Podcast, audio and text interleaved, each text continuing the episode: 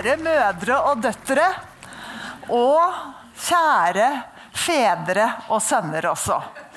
Både dere her som sitter her i Litteraturhuset, og dere som følger denne samtalen på en eller annen eh, skjerm et eller annet sted i dette landet. Hjertelig velkommen, alle sammen. Jeg heter eh, Agnes Moxnes, og grunnen til at vi er her i dag, det er at Riksteatret skal sette opp for første gang i Norge et stykke av Thomas Bernhard som han ga ut i 1981. 'Am Ziel' heter det på tysk, men ved målet i Sverredals oversettelse. Premiere, og da legger stykket ut på, eller teateret ut på turné, det er 15.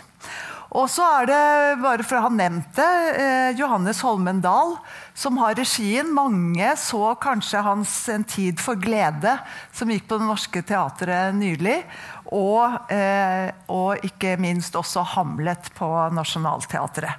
Tre skuespillere er med. Anne Krigsvold, Josefine Frida og Carl Vidar Lende. Så er det nevnt. Og kanskje ikke så veldig overraskende for dere som er her nå. Stykkets tema er bl.a.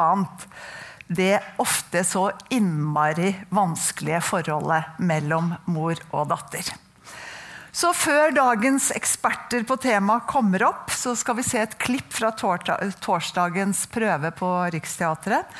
Og her møter dere da Anne Krigsvold som moren og Josefine Frida som datteren.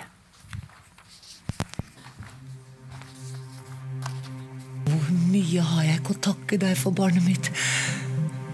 Og nå vil du forlate meg? Nei. Nei, du kommer ikke til å forlate meg. Det kan du ikke. Men du er fullstendig fri, selvsagt. Du kan gjøre hva du vil. Det har jeg alltid sagt til deg. Fri. Fri, barnet mitt. Vær så snill å pakke videre. Så du blir ferdig til vår venn kommer, vårt dramatiske geni, vår suksessforfatter som har skrevet dramaet 'Redde seg den som kan'.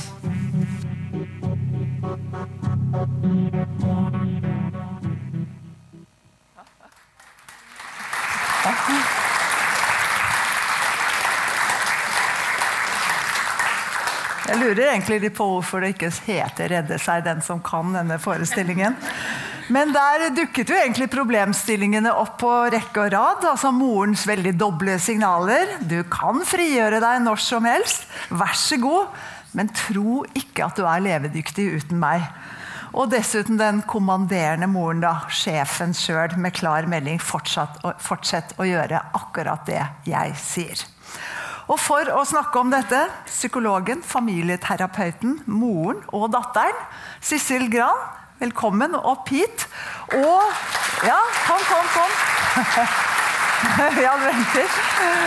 Eh, og en som heller ikke er ukjent med dette temaet, forfatter, mor og datter, Vigdis Hjorth. Velkommen opp.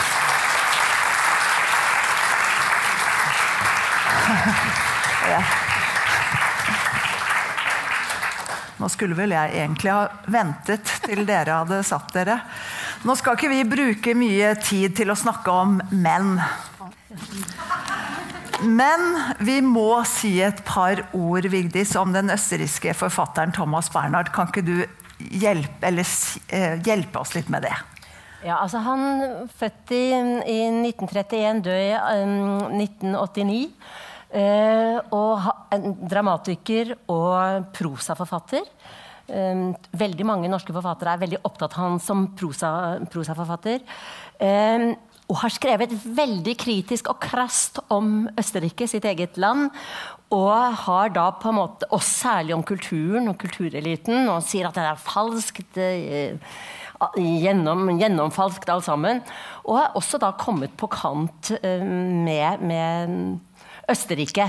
Men nå er han jo geniforklart og, og, og løftet eh, fram. Han har også skrevet jeg tror han kan være litt komplisert. I en, en bok som heter 'Trær som faller', så skriver han om sånne kultur, store kulturpersonligheter som liksom faller døde til, til, Men en inngang til forfatterskapet er fire små veldig selvbiografiske bøker. De er veldig lette. Og i en av de så sier han noe som er litt interessant i forhold til det vi nevner i dag. Fordi han hadde en veldig vanskelig barndom. Men han sier og det, vokste opp delvis hos sin bestefar, så står det Min bestefar, altså min morfar, reddet meg ut av sløvheten og den ødslige stanken av jordtragedie, som allerede milliarder og atter milliarder av mennesker er blitt kvalt i. Han trakk meg tidlig nok, og ikke uten en smertefull opp opptuktelsesprosess opp av alminnelighetssumpen. Heldigvis med hodet først, så resten. Og det er kanskje det de foresatte skal gjøre, da. Det kan vi jo diskutere i, i dag. Ja, han har jo skrevet en rekke romaner og teaterstykker. Dette er faktisk det eneste hvor det er en kvinne som er, har hovedrollen. Og da er det jo kanskje viktig og det som du nevner litt der også, at du husker at han hadde et veldig komplisert forhold til sin egen mor. Han var en såkalt uekte sønn. Eh, noen mener at han er et resultat av en, av en voldtekt. Og faren ville jo verken ha noe med moren hans eller ham å, å, gjøre. Og det var vel da lille Bernhard som på en måte fikk skylda da, for morens elendighet. Vi er jo på, på 1930-tallet her nå. Eh, nå er jo ved målet ikke akkurat kjøkkenbenkrealisme, det kan vi vel ikke kalle det. Men moren er skarp, hun er ulykkelig, hun er dominerende, hun er drikkfeldig, og hun er rasende. Hvordan leser du dette stykket litt sånn kort? Ja, altså, ja. Ja. Nei, jeg syns det er et fantastisk eh, stykke fordi at det går Mange sånne stykker, hvis de skal bli for realistiske, blir jo ordrike. For vi bruker jo dødre, mødre og døtre bruker jo en masse ord. Vi er veldig flinke til å bruke Vi snakker jo veldig mye veldig ofte. Eh, men her er det, kanskje fordi det er skrevet av en mann, det er liksom inntil beinet, som dere så i dette lille uh, stykket her. Uh, men, og jeg syns også at moren som dere ser her, er krevende på sin helt spesielle måte. Men også gjenkjennelig for veldig mange. Samtidig som det er, og det vil, vil jeg gå ut fra at stykket også viser, at det viser også en form for kjærlighet da, og, og, gjensidig avhengighet, og også det aldrende mennesket som mister makt. Og det gjør jo alle som har vært vant. Tenk så mektige en mor er i barnets barndom. Og så blir det omvendt, og det er veldig mange som ikke tåler den utviklingen og retretten fra makten, for å si det sånn. Eh, Sissel, moren i dette stykket, binder jo datteren sin veldig veldig sterkt eh, til seg ved bruk av språket. Eh, egentlig temmelig brutalt også, men datteren bøyer unna i stedet for å frigjøre seg. Med psykologens blikk, hva ser du? Ja, hva skal jeg si? Det er um, Moren er eldre enn datteren. uh, kan mer om maktspill, selvfølgelig. Og er nok reddere uh, på mange måter. Fordi det er som du sier, Vigdis, hun står innenfor et tapsprosjekt. Fordi datteren skal løsrive seg. Uh, og det skal døtre, det skal sønner også. Og, og, men nå snakker vi om mødre og døtre. Og døtre skal Først så ligner de på mor. Uh, og elsker mor overalt på jord. Og mor elsker dem overalt på jord. Og så skal datteren utvikle seg som et eget menneske Uh, og bli et autonomt individ. Og det er en så smertefull prosess for veldig mange. Og jeg tror det var det veldig før. Altså, eh, det er kanskje selvfølgelig noe skal vi si, allmennpsykologisk som går gjennom alle tidsepoker. Men, eh, men det er en eh, eh, dette synes jeg er et bilde på en veldig smertefull prosess. For det nesten er umulig å frigjøre seg fra mor. Men det handler også om at mor er redd, og det skjønner ikke døtre. At mor er redd, og at mor er et offer eller har arvet noe fra sin mor, som har arvet noe fra sin mor.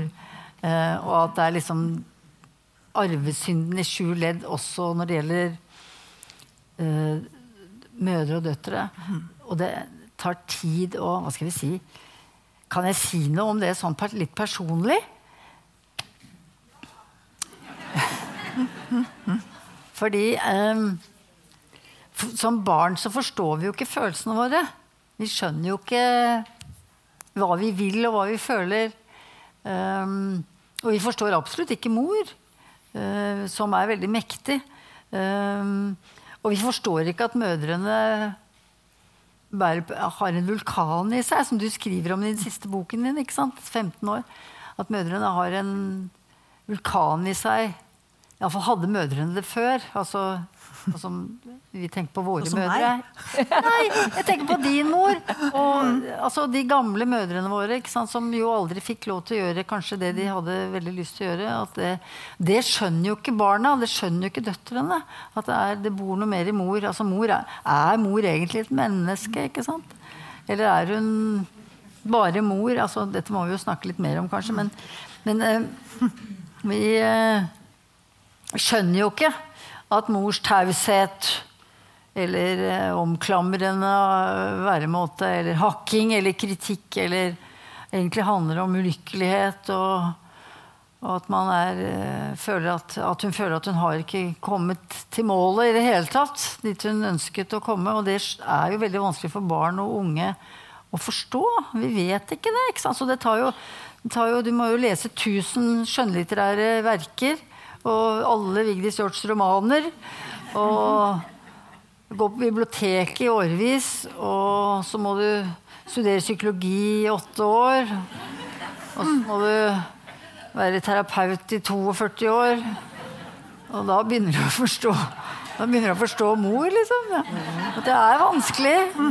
Uh, ja, fordi at man føler seg så knuget av mor som er knuget av mormor, som er knuget av sin mormor, og skammen og skylden Dette var en fryktelig lang tale. Beklager. Ja, men, men, vi kan jo komme tilbake til det hva mor skjuler, og hva kanskje Ja, ja.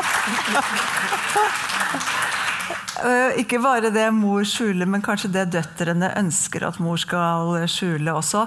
Men hun, vi må jo slå fast at hun ikke er noen drømmemor, denne moren her. Men er hun ond, eller er hun vanligere enn vi tror? Vigdis, hva tenker du? Altså det Nei, det, eh, det jeg tenker er altså det, jeg vil si både, både, og. Fordi at han, Thomas Bernhard er jo skarp i kanten og vil være det. Så elementer av denne moren er jo hos, hos veldig mange.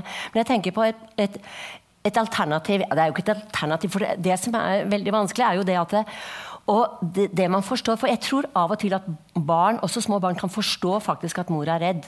Mm. Og lei seg, mm. og sår og ufri. Og det er også et, noe du må bære. Mm. Jeg tenker at alle mennesker kommer ikke sant, så sånn, det ble fortalt her at en effekt på, på, scenen er en sånn kjempediger koffert. Og jeg tenker at det mennesket, alle mennesker som har en barndom, her, har en bagasje. Mm større eller liten.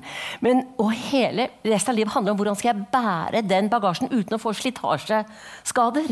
Og Da må du liksom prøve deg fram hele tiden. Men jeg tenker på den, den, forståelsen fordi det er også en kunstdiskusjon i dette stykket. Og Det er ikke så lenge siden jeg så en feministisk utstilling, nei, en utstilling på Henny Jonstad om feministisk kunst fra seint 60-tall, begynnelsen av 70-tall, fra um, ja, amerikansk. Der var det en bitte liten video som het 'Kjøkkenredskaper'. Uten lyd. Og så er det en sånn hemmafru med krøller og forkle, og så står det 'eggedeler'. Så ser du hun gjør sånn. Så er det gaffel. Så er det øse. Så kniv. og det er jo et fantastisk bilde på den situasjonen og liksom, hvordan hele kvinnebevegelsen mm. vokste fram. Og at kjøkkenredskaper kan være, er ikke uskyldige mm. redskaper. da.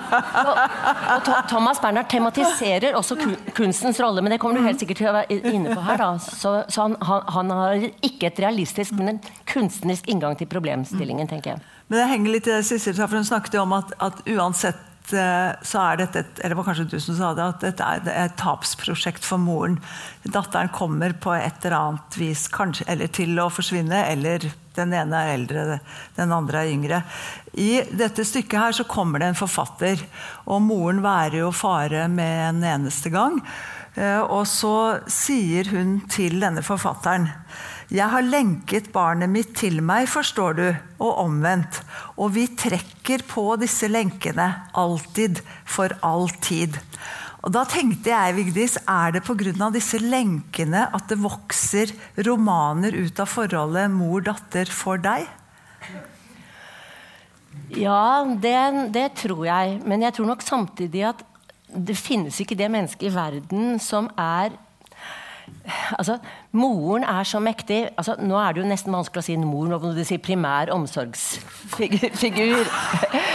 men, men, eh, men, hvis vi da tenker på den biologiske moren som bærer barnet som kommer ut, legges til brystet, og barnet skjønner umiddelbart at uten næring og omsorg fra dette mennesket, og selvfølgelig også far og eh, resten av mm. landsbyen men først og fremst dette, så dør jeg. ikke sant? Og det vil si at Moren har en sånn gudelignende status i ethvert barns liv. Og noen mødre, kanskje særlig kvinner i den generasjonen som Bernhard skriver om, har kanskje aldri blitt elsket så hengivent av noen som de blir av et barn. Og dermed så kan noen, når det er på en måte mulig, symbiosen egentlig skal opphøre fordi barnet skal først slutte å die og så lære seg, så er det noen mødre som holder igjen. Det er ikke så lenge siden jeg satt på kafé, og så var det et, en ung mor med et barn på la oss si, fem måneder, og så skulle hun på toalettet, det var noen venninner som skulle passe, og begynner gutten å gråte. Og så stråler moren opp. Se, han gråter bare jeg går ut av et rom! Og så summa summarum så tror jeg at alle mennesker blir ambivalente til det de er avhengig av. Og den avhengigheten av mor primære omsorgsfigurer skaper nødvendigvis en, en, ambivalens. Og det blir det jo veldig mye mm, kunst av den type mm, ambivalens, mm. selvfølgelig. Ja. Ja. Blant annet fra deg, da. Ja, For det høres jo ikke så bra ut hvis vi går tilbake til de lenkene. altså Det høres jo litt straffekoloni og slavehandel ut med lenker. Men det er jo som du sier også noe som er veldig fint der. altså Nærhet, felles historie, omsorg, eh, kjærlighet. Ja. Vet du hva, Jeg syns at du beskriver det så nydelig. Ja. Mm. Eh, jeg syns flere psykologer burde skjønne det du sa. nå. Mm. For det er så godt sagt og godt tenkt. Og det er veldig riktig at det er en, det er en sår ambivalens i det. ikke sant? Så, mm. hvordan skal man løse det? Hvordan skal man løse det? Er veldig vanskelig å løse det. fordi det er et sinne der fra døtre overfor mor. Og så er det kjærlighet. ikke sant? Og så er det voldsom kjærlighet fra mor og for datteren, men også et sinne fordi man bindes fast. Jeg tenker på alle altså de gamle mødrene, da. Altså de gamle mødrene, altså vår generasjon gamle mødre. Som jo virkelig, tror jeg, sto på kjøkkenet og bannet og nesten stakk gaffelen i veggen, ikke sant. Og, og var helt rasende på sin skjebne. For det var jo skjebnen til mange av de 50-tallsmødrene, da. Som min mor var, altså, som var uh, en slave ved kjøkkenbenken. Altså mm. Middagen skulle stå på bordet halv fem! Altså, det var sånn, uh, og det var jo det var veldig vanskelig for et barn og en datter å forstå det sinnet. Altså, den der, hun hadde liksom uh, hva skal vi si, svart belte i taushet. Mm. Og rått altså, å vokse opp med det. ikke sant? Men det tar jo veldig lang tid for en datter å skjønne den problematikken som du, som, du, beskriver. Mm. At det er en sorg der. Over hva man har mistet og hva man ikke har fått realisert. Og, som jeg håper er mye bedre for unge mødre i dag enn det det var for, eh, for våre mm. mødre. Um, og den arven som jeg syns du skriver fantastisk om i din bok 15 år. Den arven som handler om å Og der er det en mor som er forferdelig redd for mormor. Og dette, dette hva skal vi si, dette projiseres på datteren Paula, den unge 15-åringen som eh, gradvis forstår dette kommer vi sikkert tilbake til, gradvis mm. forstår at mor er redd for mormor. At mor, mor er et barn? Mor, mor er, barn av mormor. Barn. Mor er et barn mm. fremdeles inni seg ikke sant? og redd for mormor. Og, og gjør alt hun kan for å tilfredsstille denne strenge veldig overkristne, eh, harde, kalde mormoren, som sikkert også har en koffert. En flettverkskoffert å bære på, ikke sant, som er full av spøkelser og forferdelse. Men det spørs altså, Hvor langt tilbake skal man gå? Men det gjør jeg, da. Som terapeut så, jo, så går vi jo tilbake i mange ledd. Og for meg så er det jo sånn hvor, hvor mange kvinner jeg har snakket med som er fra 50, 60, 70 og nærmer seg 80 år, og som fortsatt sliter med forholdet til mor. ikke sant? Og det er å hjelpe dem til å komme løs fra det, og de skal jo da få jeg skal jo da kjøpe når den kommer i pocket, da, Vigdis 15 år, skal jo de få denne i pocketutgave gratis på mitt kontor. Fordi jeg tror at alle mødre, døtre, alle er jo døtre, vi er jo døtre hele gjengen, skal kunne lese denne og forstå seg selv og sitt forhold til mor og sin løsrivelsesprosess. Og det betyr det er aldri for sent. Du kan være 85 år og skjønne det, og det kan være ekstremt frigjørende å få en oppvåkning om du er aldri så gammel. Så du kan gå i grava med et sånn slags forsonthet. Da. Så takk skal du ha for det. Da kan jeg jo minne om Vigdis Hjorts eh, ord om at en mor er et mord uten det. Det er vel ambivalens? Men, men, men jeg bare til det du spurte, fordi denne moren sier også, og Det er litt interessant, som jeg lurer litt på. og det er Jeg er den fryktelige moren din. ikke sant? Trykker barnet sitt til seg så det kveles. Og jeg har lurt på litt sånn, fordi det kan jeg kjenne meg igjen i. At jeg har prøvd å liksom løse min arv ved at jeg skal være veldig åpen om min egen feilbarlighet til barna, og så tror jeg at det er løst. Men det er det jo ikke. ikke sant? Jeg har sagt sånn, for jeg har alltid drukket for mye når de har vært små. Og så har jeg sagt du må bare gå og snakke med lærerne om det. Jeg vet det. Du må bare snakke med andre voksne. Det har vært litt sånn politisk korrekt, men det, det løser jo egentlig ingenting. Og jeg tenker på at Det blir veldig tydelig her i dette stykket til Bernhard at hun sier ja, 'jeg er den fryktelige moren din, jeg kveler deg', ikke sant? Så så har hun liksom fri til å fortsette. da. Mm. Så det er interessant med det at man kan bruke det at du erkjenner feilene dine mm. på en, på en med, Ved å fortsette å maktmisbruke, på en måte. da. Mm. Ja. Syns du at mødre får litt for mye tyn, eh, Sissel? Ja, jeg syns jo det. jeg syns jo det. Um, Hender det forresten at mødre og døtre kommer sammen ja. i terapi? Mm.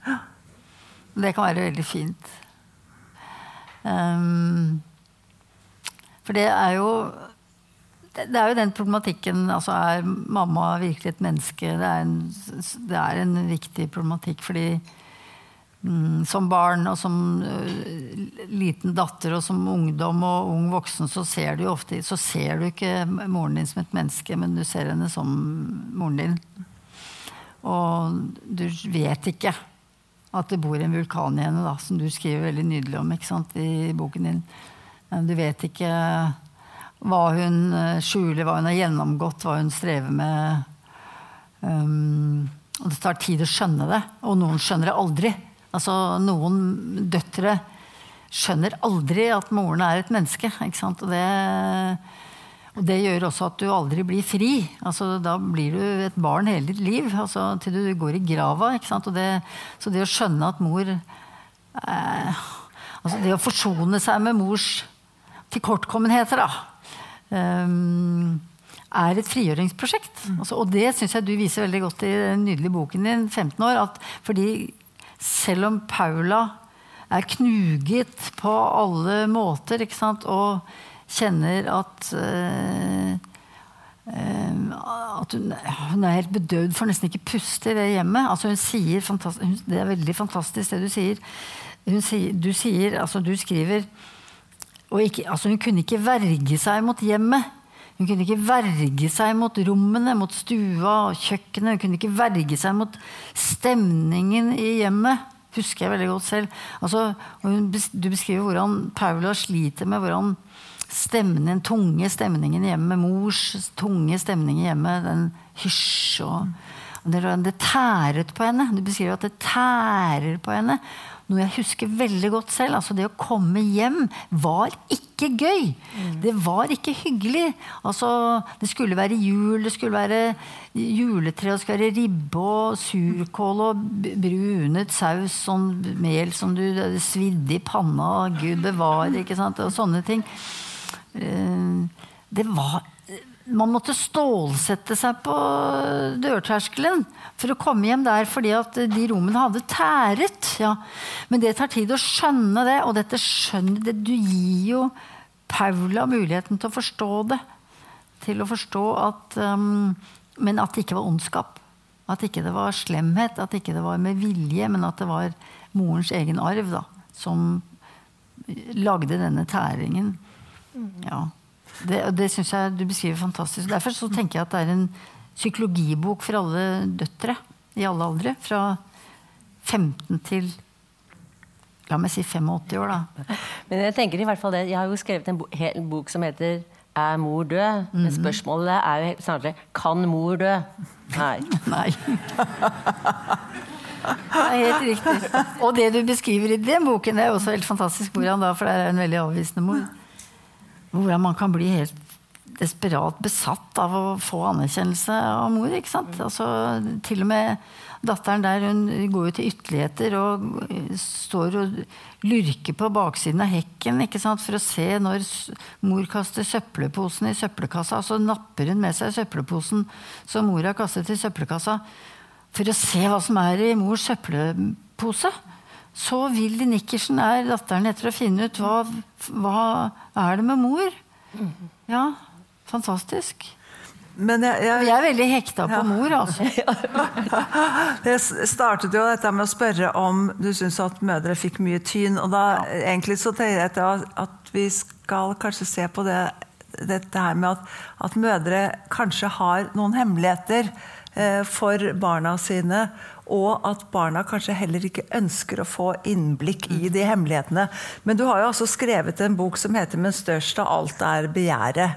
Kan ikke du lese litt for den, for da føler jeg at du det er liksom, Da går du rett inn i den problematikken, da. At det skal veldig lite til før en mor trår feil. Ja, det er noe med det. Ja, takk skal du ha. Jeg tenker på alle klientene jeg har sittet med på mitt kontor.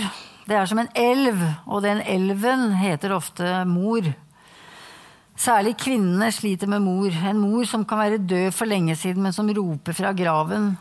Par sliter fordi mor var kald, overbeskyttende, selvopptatt, fjern, invaderende, dum eller gal. Alt mor gjorde feil, projiseres på partneren. Mor stikker seg fram hver gang ektefellen gjør noe som ligner på noe mor gjorde. Amygdala, hjernens alarmsentral, slås på bare det dukker opp en flik av noe som kan minne om mor. Mange blir aldri ferdig med mor. Mors feilbarlighet er et evig tema. Alle ens plagsomme tanker og følelser skyldes mor. Jeg husker jo hvor mye sintere jeg var på moren min enn på far. Hvor urimelig og kritisk jeg syntes hun var. Hun utbrøt innimellom fortvilet og rasende. Hvorfor må jeg alltid være huggestabbe? Hvorfor syns du at faren din er bare snill og grei? Jeg måtte arbeide iherdig med å tøyle min hjernekvern for å slutte å hamre på mor i tankene.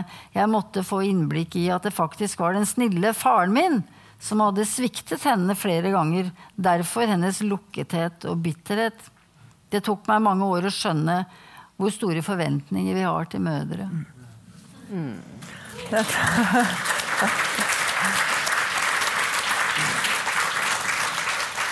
Jeg tror at det er mange som kjenner seg igjen i akkurat dette her. Og særlig de forventningene til mor som styres av at vi absolutt ikke vil vite for mye om henne.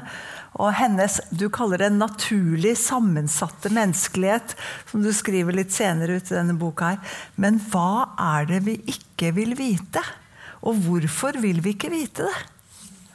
Ja, vi vil ikke vite om mors begjær, iallfall. Og vi vil ikke vite at hun noen ganger ikke tenker på barna sine.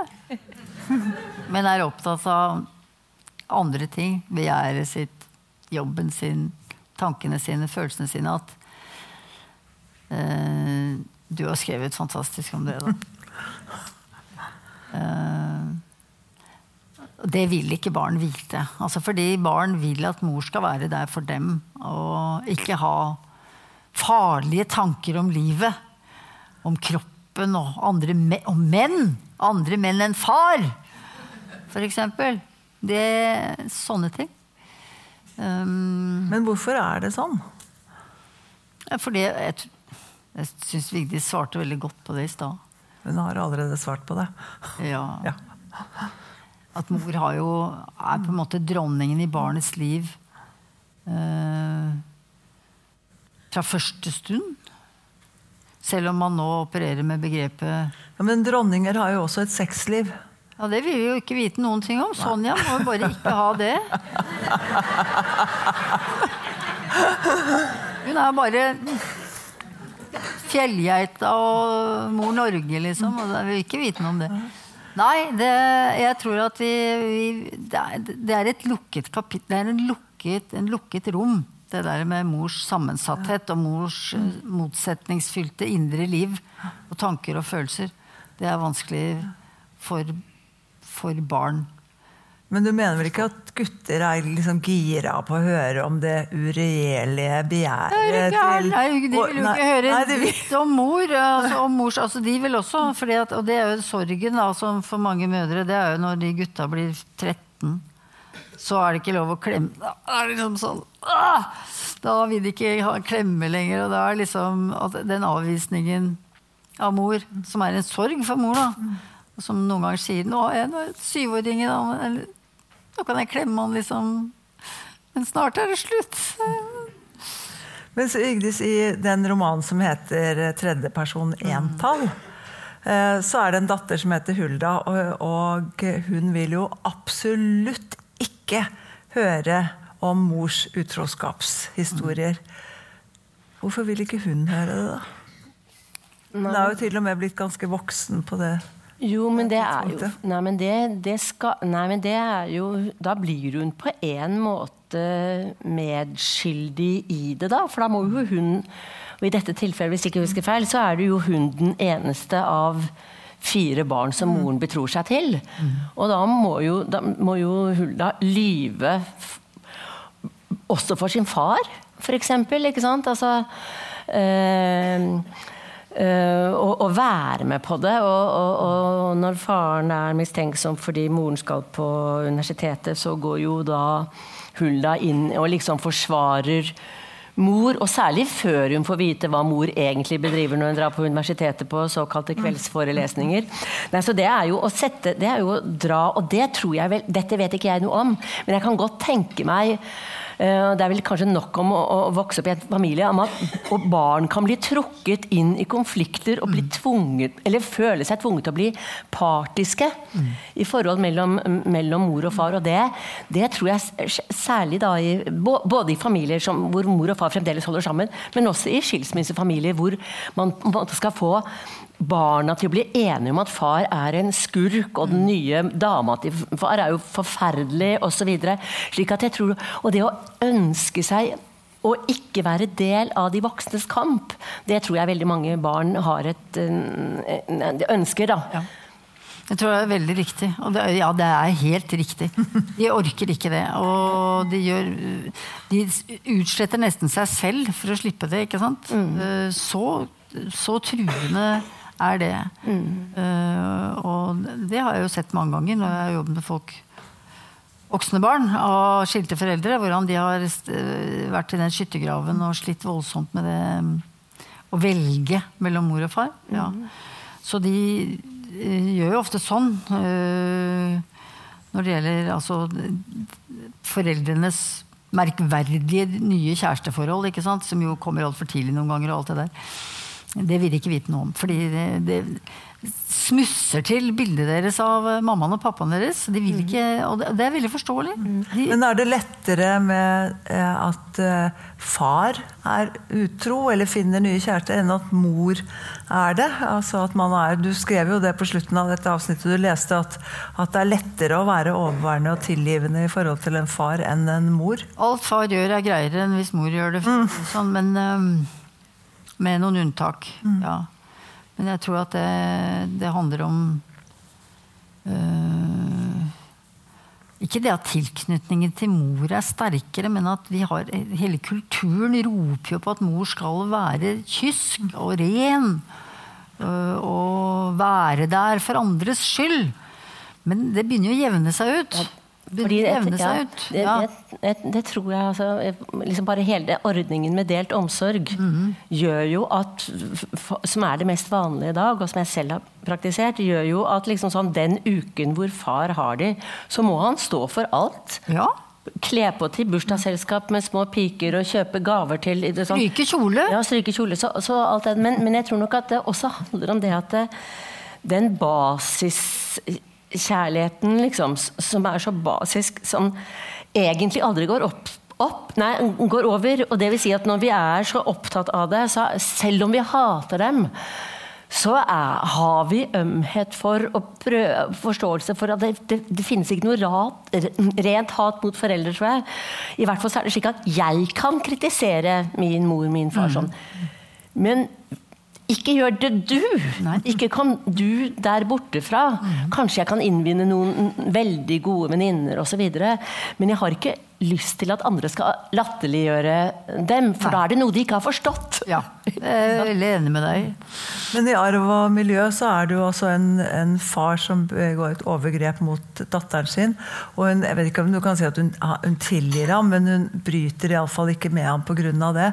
Men hun tilgir ikke moren som ikke griper inn. Eh, hva tenker du om det? I, sånn, I den sammenhengen at liksom, far kanskje slipper Eh, unna nei, jeg, nesten jeg tror da at eh, i den romanen så, så er det slik at, at Bergljot opplever det som om faren på en måte har tatt det på seg ved hele sin holdning. At han Det er ikke han som liksom insisterer på at hun skal komme i juleselskap. Han tror han kjøper en bil til henne. At han senker blikket. At han ser ut som at det på en måte går, ser, står skyldig i pannen på han på en måte. Mens moren er sånn Kan vi ikke være sånn som vanlig familie? Så det er, det er ikke sånn ja, men ta, Ikke ta alvoret inn over seg. Alvoret både for for far og datter, på en måte. Også farens ulykke, sånn som Bergljot leser det. Men denne insisteringen på at kan vi ikke bare være som en vanlig familie, at vi feirer jul på den måten. Og så at ikke, ikke, ta, ja, ikke ta det alvorlig, da. Og for, og for å nå er det ikke sånn i dette stykket, sånn som jeg leser det, men jeg tror nok at hvis man har den følelsen av at liksom, med livet det er en virkelig alvorlig sak. Vi lever her på jorda en sånn splitt sekund. Og så, alltid. og så er det mange som går opp sånn altså det er sånn, eller Bress sier det veldig fint i et dikt. Da, sånn der, eh, jeg sitter i veikanten og ser på at sjåføren skifter ut et hjul. Jeg liker meg ikke der jeg var, jeg liker meg ikke der jeg skal. Hvorfor ser jeg på hjulskiftet med utålmodighet? og det vi gjør sånn hele tiden. Vi er dritutålmodige, men vi har et bitte lite sekund på, i livet, og så går det liksom ikke fort å se på klokken. Vi kjeder også. og- det der er jo sånn følelse av at, at liksom, livet er en alvorlig sak, og du har dette eneste Det at det da noen går rundt på en sånn søvngjengeraktig måte, blir veldig Det blir på en måte provoserende. Og du blir så redd for å bli smittet av det. Og jeg tror det er det moren altså, Moren til Bergljot er så opptatt av de der småtingene og fasaden. Har til og med noe som var en mulighet til en stor, alvorlig samtale om eksistensielle ting. Både med far og, og Bergljot. Det blir bare fordufter i at vi gjerne vil se ut som en vanlig familie. Og for øvrig, Brest igjen, bare et kort, som er så tankevekkende, for han sier sånn Haiene unnslapp jeg. Ja, haiene unnslapp jeg. Tigrene jaktet jeg. Oppspist ble jeg av vegglusen. Av vegglusen. Og det er det at vi tror at vi, det er i de store slagene vi skal prøves.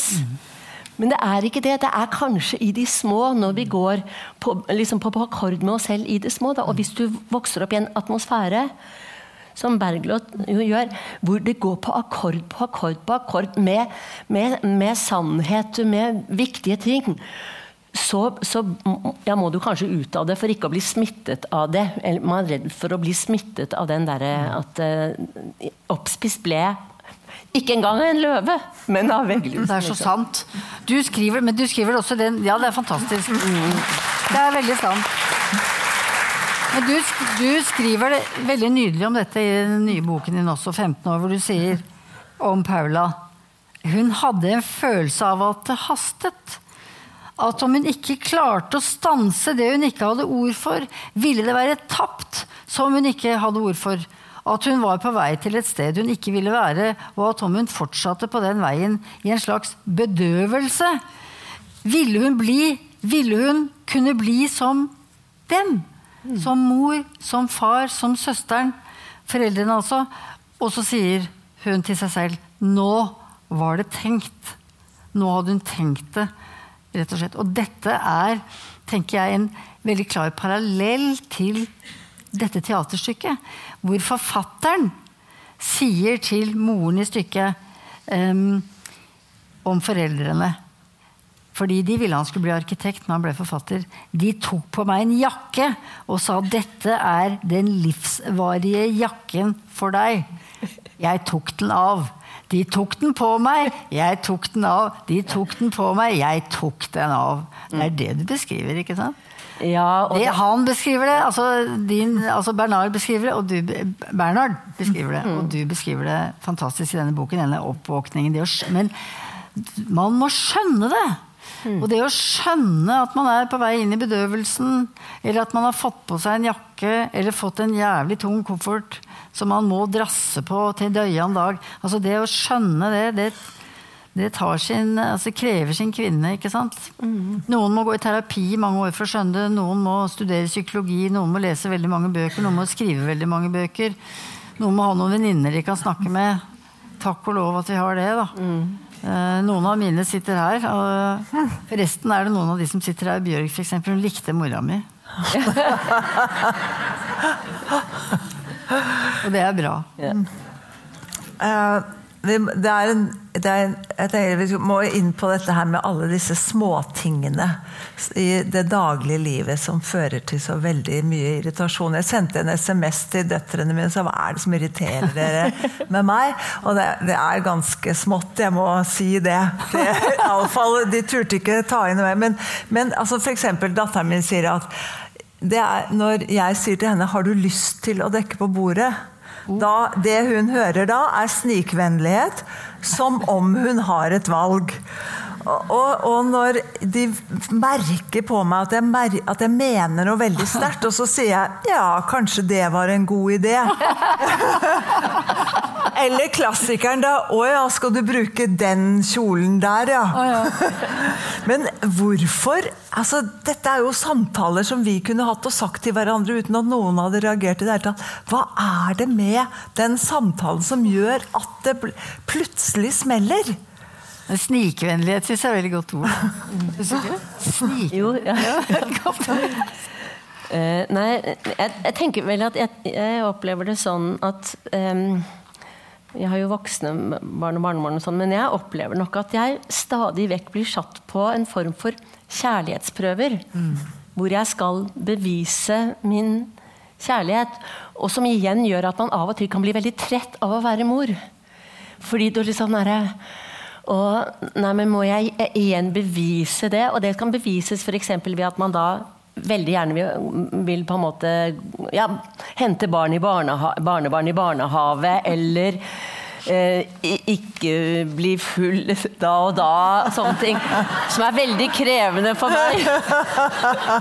Men, men, men, men, og når, og når jeg merker at det betyr mye altså Når de kan fremkalle gråt, så er det ikke fordi hendelsene, men at det er det er, blir satt med prøve. Og det kan godt hende da, og da kan jo jeg få den tanken at har de egentlig vært så Er de så usikre på min kjærlighet at de fremdeles trenger kjærlighets at, at jeg skal på en måte bevise den. Kanskje de i bunnen er, er litt utrygge på meg. Og jeg har jo gjort mange dumme feil. Så, så jeg føler jo at det, det, det er kanskje også et reparasjonsarbeid man som, som jeg som mor tar på meg, men som jeg også selv er ansvarlig for at, at jeg sitter der med.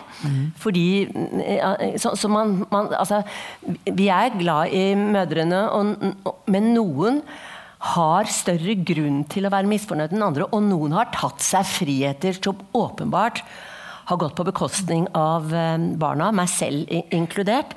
Og, og det tror jeg nok at da, da Jeg sitter nok og føler at, eh, at jeg, har, jeg har litt sånn Jeg må jobbe litt enda for, um, for det. Altså. At du er på prøve fremdeles. Ja, jeg er nok litt, litt på prøve fremdeles. Men, men det, er, det er enormt Jeg syns det er enormt eh, befriende når døtrene selv får barn. For da får de en større forståelse for det kompliserte forholdet. Mm. Det, det, det, har, det skjer et skifte der. Det tror jeg er veldig sant. Det er eh, vanskelig å ha noen ganger å ha barnløse klienter som er 40 år, og som er rasende på moren sin på 40. året. Ja, det er det, altså. Fordi, og det går ikke an som terapeut å si at du ville skjønt mer hvis du hadde hatt barn. Så ville du også forstått at det å være mor kan være et slit, og at du ikke alltid klarer å være omsorgsfull og omfavnende og grei og sånn, men det kan man jo ikke si. Um, men det er ganske vidunderlig når de da får barn sent, i sein alder, altså voksen alder, og hvor de plutselig skjønner at og de får et sånn slags fellesskap med den innmari slitne gamle mora si på 70 år. Um, det er eh, opplysende. Det er en oppvåkning i det. Men dette er et veldig vanskelig tema i vår kultur. altså. Ja, Hvorfor er det det? Nei, det er veldig vanskelig å si til noen i vår kultur at det er noen erfaringer du ikke har. Og hvis du hadde hatt de erfaringene, så ville du skjønt noe mer av livet. Det er frekt å si. Ja, fordi at alle skjønner jo alt om livet. Eh, Men for meg så Jeg tenkte veldig det eh, som terapeut da jeg ikke hadde barn, at det er noe jeg ikke forstår, det er noe jeg ikke forstår, det er noe jeg ikke forstår. Og det var helt riktig at det var noe jeg ikke forsto. Og etter at jeg fikk barn, så skjønte jeg veldig godt hva det var jeg ikke hadde forstått. Ja. Eh, men det er et veldig sårt tema. Eh, og jeg vet, det hører jo ikke hjemme her, egentlig, men samtidig så gjør det det. Men syns du av og til at det er litt vel lettvint å legge skylda på mor?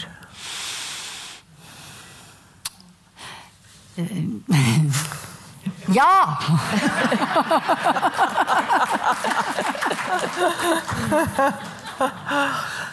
Jeg syns det. Altså ehm, Jeg syns det men, det men samtidig så er det litt sånn ehm, du, når du, altså, jeg har jo masse med par som slåss hele tiden og stikker hverandre med kniv. Og det er jo helt uh, forferdelig. Men samtidig så de som fortsetter å slåss, der er det kjærlighet. Der er det fortsatt eh, en tilknytning, en varme, en, så- sånn, en fortvilelse da, og et forsøk på å nå hverandre. Og det er klart at Når du er sinna på mor og forventer mye av mor, så handler det også om at det er kjærlighet. Hvis du ikke forventer noen ting av mor lenger, og du liksom har droppa mor, eller så, så er det klart da er det slutt. Men så lenge du forventer noe av mor, da, så tenker jeg at eh, vi får være litt takknemlige for det. For det, i det ligger et voldsomt sånn, et krav om, eller sånn, i det ligger en kjærlighetserklæring. da. Eh, at eh, jeg vil ha noe mer av deg, og jeg trenger deg. og jeg blir ikke glad uten at du gir meg det jeg trenger. Og så, ja, sånne ting. Hva tenker du? Nei, jeg, tenker, jeg tenker at, at det er helt sikkert liksom sånn lett å gi skylda på, på opphavet helt generelt. Da? Altså, da er det jo veldig mange ting du slipper å på en måte arbeide med, fordi alt er plassert der. Eh, Men, men eh, jeg tenker sånn, det er jo en sånn seing som går at jeg fikk et problem av min mor. Men jeg visste ikke hva jeg skulle gjøre med det, så jeg ga det til mine barn. Ja. Og, og det å liksom på en måte, Hvis du skjønner at det er det du er i ferd med å gjøre, så har du en oppgave, i hvert fall i, i, i forhold til barna dine. Da. Så det å på en måte bli bevisst om en dårlig, eventuelt dårlig arv, og jobbe med deg selv for å på en måte det kalles jo i psykologien for smertetransport, men altså ta smerten din på deg for ikke å transportere den. da. Og, og det syns jeg jo at nest, de fleste mødre kanskje sa. Og kanskje har dette noe med generasjonen å gjøre, med at noen liksom har levd i en på en måte fortrengt eh, smerte, og den som går rundt med liksom sånn fortrengt eh, smerte og fornektelse, kan av og til bli som en levende død. Og det kan jo farge barna. Så det å, på en måte det, å ta det ansvaret med å prøve å løse opp i, i smerten, få hjelp, snakke med noen om det, slik at ikke den smertetransporten ikke foregår til neste generasjon, da, det er, er vel ok å prøve. Ja, jeg er veldig enig med det. Og det er et veldig godt begrep, smertetransport. Altså hvordan det transporteres fra mormor til mor til datter. Og hvordan på en måte stoppe det. Ja.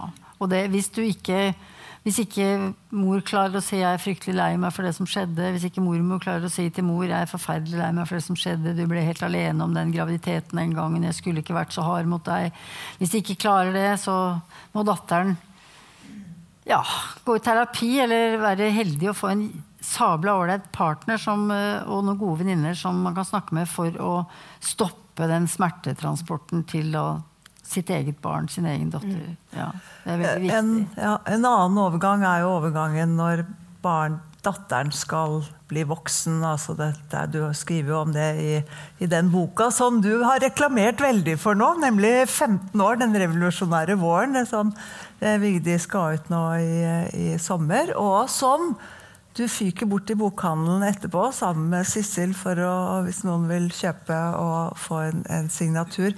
Men, men, det handler jo om frigjøring. Eh, og eh, det, vi er da Paula, hovedrollen har hovedpersonen. 15 eh, år er hun ikke det i grunnen hele altså Hun begynner sånn 10-11, ja, og så følger ja. Og da er det en scene som jeg tenkte du skulle lese litt fra, som jeg syns er fin. Og da er det, det er både vår og forventning i lufta, men det er også langfredag. Eh, og eh, eh, ja. Og det er Paula som forteller hva som skjer den dagen. De spiste i stillhet. Det var en alvorlig dag. Jesus var død og ennå ikke stått opp igjen. Hun måtte ikke røpe at det ikke var bordbønn til hverdags, at de bare gjorde det når farmor og farfar var på besøk. For om det kom for en dag, visste hun ikke hva som kunne skje. Ville de kanskje bli syke? Var så redd for å røpe det at hun snakket så lite som mulig, og fryktet at Lasse skulle røpe det. Heldigvis snakket han ikke så mye enda, men snart ville han gjøre det, og da måtte hun kanskje si til ham at han ikke måtte røpe det, da kunne, for at da kunne noen bli syke. Men kanskje øket det sjansen for at han røpet det, for det man ikke må si, brenner i munnen, så man får lyst til å spytte det ut. Konsentrert spiste hun steik og poteter, det pleide å hjelpe ved desserten, skrekken slapp. Moren og Elisabeth bar ut. Hun gikk i kjelleren etter kremen, tente ikke lyset for at pæra ikke skulle dingle. Det måtte ha med elektrisiteten å gjøre. Hun kunne veien så godt at hun kunne gå den i mørket, og taklampa i entreen lyste den øverste delen av trappa opp. Hun støttet seg lett til veggen og kom ned, og gikk gangen bort og åpnet døra til det totale mørket. Og en overveldende følelse av dirrende eksistens falt over henne som et plagg som ikke kom nær, men som likevel beskyttet. Hun lukket øynene for å gi seg over til det sterke velbehaget som strømmet som bølger gjennom kroppen. Så var det over, like plutselig som det var kommet, og likevel bar hun det med seg sammen med kremen og håpet ikke syntes på henne, for det var sikkert ikke lov, siden det var deilig.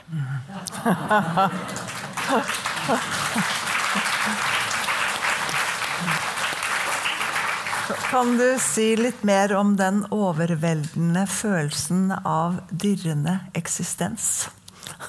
Ja, altså Paula har ofte sånne e-, opplevelser, særlig ute i naturen.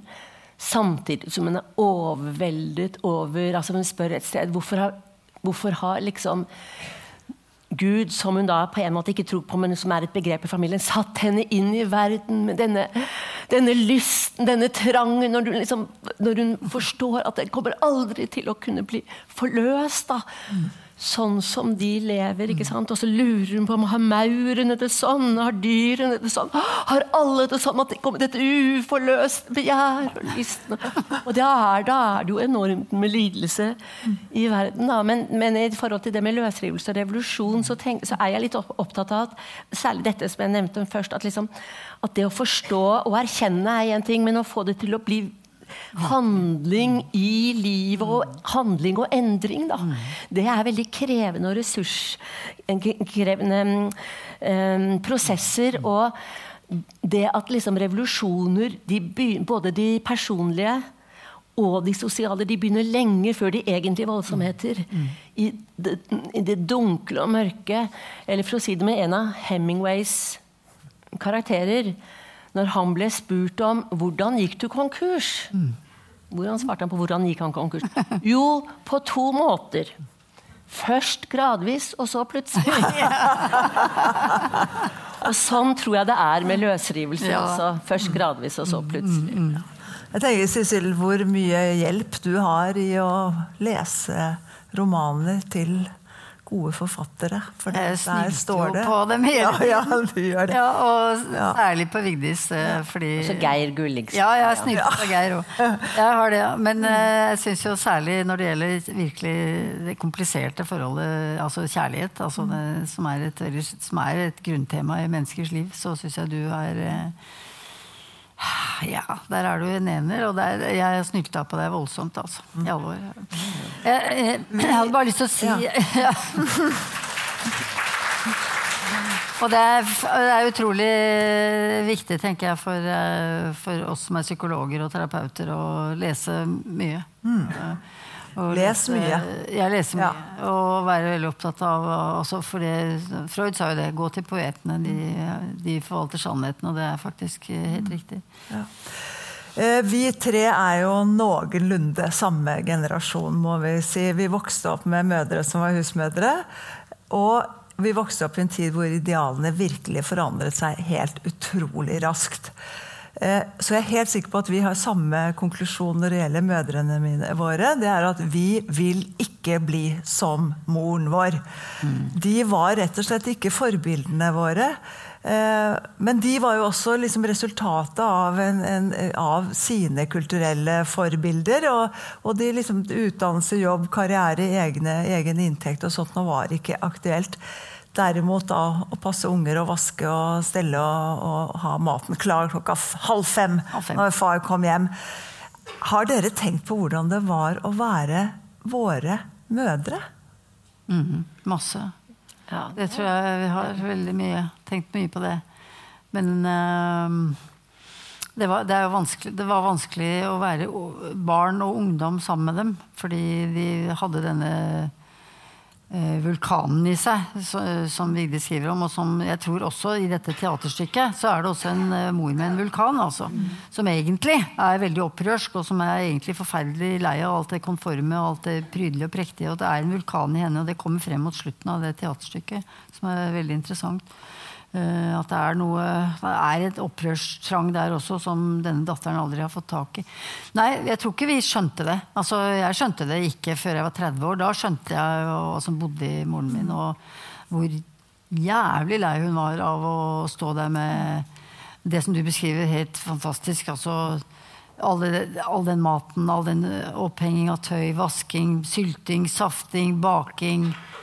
Uh, Fårikål om vinteren, uh, skinkesteik til jul, spekeskinke og nypoteter på våren. altså Alt, alt det, der evige, evighetsarbeidet som uh, mødrene våre bedrev, og som vi, ikke, som vi så på som en selvfølge. Og jeg tenkte nok aldri på, jeg tror aldri jeg tenkte at jeg var ikke takknemlig nok for den eh, jobben eh, moren min gjorde, i alle fall, og som alle mødrene der hvor jeg vokste opp, gjorde hele tiden. Og fedre som kom hjem med hatt som de hengte opp, og frakk som de hengte opp, og satte seg, bare vaska hendene og satte seg, bare skyfla i seg, og så rett på sofaen for å snorke i halvannen time. Mens vi sto på kjøkkenet og vaska opp.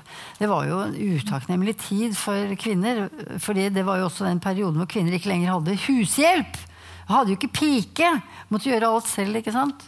Og det tok meg veldig mange år som å skjønne det offeret, da. Som iallfall moren min eh, ga, og som hun aldri fikk takk for. Og jeg har også tenkt på det, Men samtidig så tror jeg at det også er noe Fordi forandring skjer fra generasjon til generasjon, så jeg tror det er enormt allment altså det, Dette er ikke liksom sånn et kom, morskompleks eller fars foreldrekompleks. Jeg bare tenker mot slutten å sitere, eller liksom fortelle om eh, filmen av Roy Andersson som heter 'En liten due satt på en gren og eh, funderte over livet'. Så er det to sånne leketøyselgere som er veldig mislykkede. De er på distrikts ute i Sverige. Og så kommer de en kveld, de har ikke solgt noen ting, sitter på hvert sitt triste motellrom, og så spiller den ene en sang om og om og om igjen. Sånn Kjære lille vakre Anna, om du vil høre meg med sjel og hjerte til. Sånn, og så flere vers. Og til slutt så kommer vi til himmelen, hvor vi møter mor og far igjen. Igjen og igjen og igjen. Og han kollegaen blir så sinna så han banker på døren liksom sånn for å si nå må du slutte, jeg skal sove. Og så ser han til sin forbauselse at kollegaen gråter og gråter. Så spør han hvorfor gråter du. For jeg vil ikke møte mor og far igjen! og det tror jeg vi kjenner.